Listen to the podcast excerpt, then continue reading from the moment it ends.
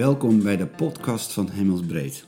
Ik ben Remmelt Meijer en probeer met deze podcast regelmatig iets te laten klinken van wat geboren wordt in de context van Hemelsbreed en de Amsterdamse Bijlmer. Het is Pasen geweest en dat roept het nodige op, heb ik gemerkt. Het is er sindsdien niet rustiger van geworden, van binnen bij mij. En dat heeft alles te maken met dat oude verhaal, hoe het allemaal begon.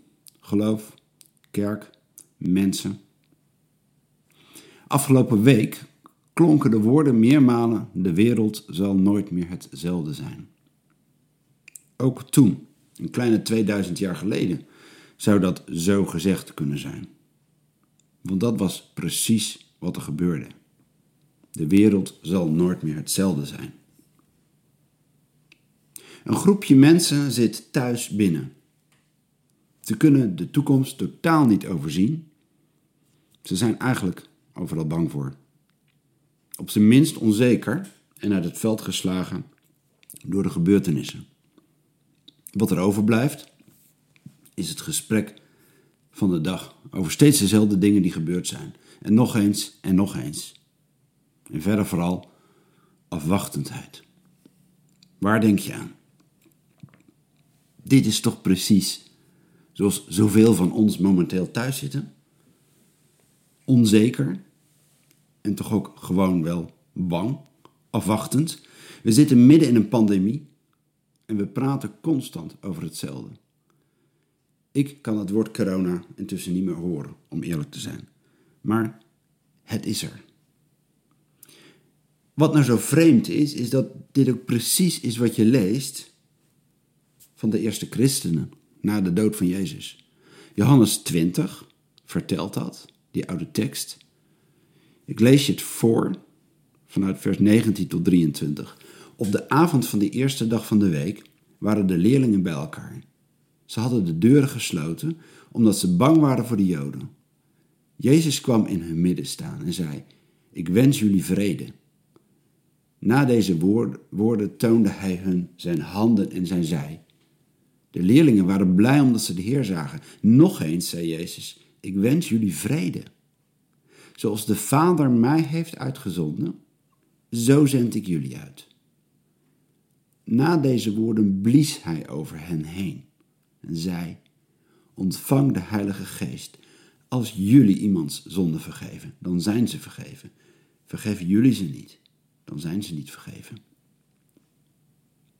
Met andere woorden, Misschien wordt het tijd om nog eens beter in de spiegel te kijken van deze scène. Wij mogen dan midden in een crisis zitten, maar het christelijk geloof is ooit midden in een crisis geboren. Het waren bange en onzekere mensen die hashtag blijf thuis in praktijk brachten en niet verder kwamen dan dat. Eén ding wisten ze zeker: de wereld zal nooit meer hetzelfde zijn. En dan staat Jezus in hun midden. Het is een hele kleine scène. Geen groots verhaal. Hij is er gewoon. Hij begroet ze met vrede, het omgekeerde van angst. Stop met die angst. Ik leef en ik sta hier voor je. Zoals het hier verteld wordt, klinkt het als een herhaling van dat grote verhaal, de schepping. Op de eerste dag van de week staat er, net als die eerste scheppingsweek, dat God de wereld maakte. En toen hij s'avonds langs kwam in de tuin van Eden, met dat briesje, en op de avond van deze nieuwe week komt Jezus langs. En Jezus blaast op ze, zoals ooit de eeuwige geblazen had in de eerste mens die toen rechtop was gaan staan als een uniek levend wezen met een ziel en met een missie. En nu? Zoals de Vader mij gezonden heeft, zo zend ik jullie. Dus toch, opnieuw, sta op. En ga als bezielde mensen erop uit.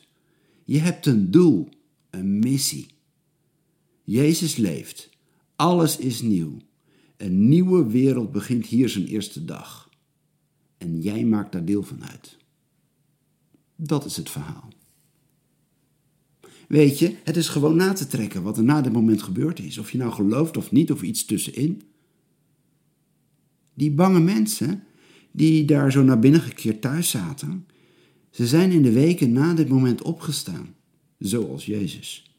Opgestaan als stuk voor stuk veranderde mensen. Ieder op zijn eigen manier, maar nieuw, anders.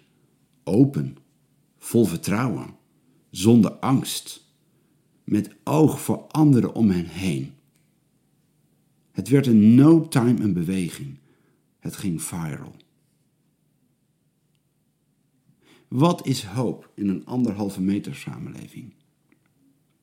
Ja, is het wel zo verantwoord om maar af te wachten? Wat is kerk vandaag? Wat is nou geloof in deze crisis? Dat is mijn zoektocht. En misschien herken jij die. Ik heb zelf intussen ook corona gehad. Mijn quarantaine is gelukkig weer over. En ik wil er weer op uit. De wereld om mij heen schreeuwt om hoop, om liefde, om een glimp van nieuw leven. Als de kerk nu niet opstaat, ja, dan hoeft het eigenlijk straks niet meer na corona. Er is geen keus. De enige vraag is hoe dan? In Trouw kun je een artikel vinden van de afgelopen week van de hand van Thomas Halik, een Tsjechische priester en theoloog. Zijn verhaal komt hierop neer: lege kerkgebouwen zijn een signaal. Want het evangelie zit niet tussen vier muren. Het hoort er juist buiten terecht te komen. En laten we daar alsjeblieft werk van maken.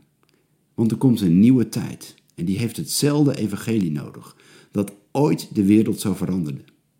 Sinds Pasen is de wereld nooit meer hetzelfde geweest. Na corona zal er veel veranderd zijn. Maak je geen illusies. En wat gaan jij en ik doen? Waar durf ik te gaan staan? Jezus blaast over mensen. Sta op.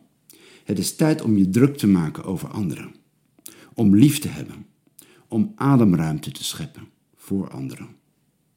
Jezus blaast nieuwe adem in een wereld die precies daarnaar snakt.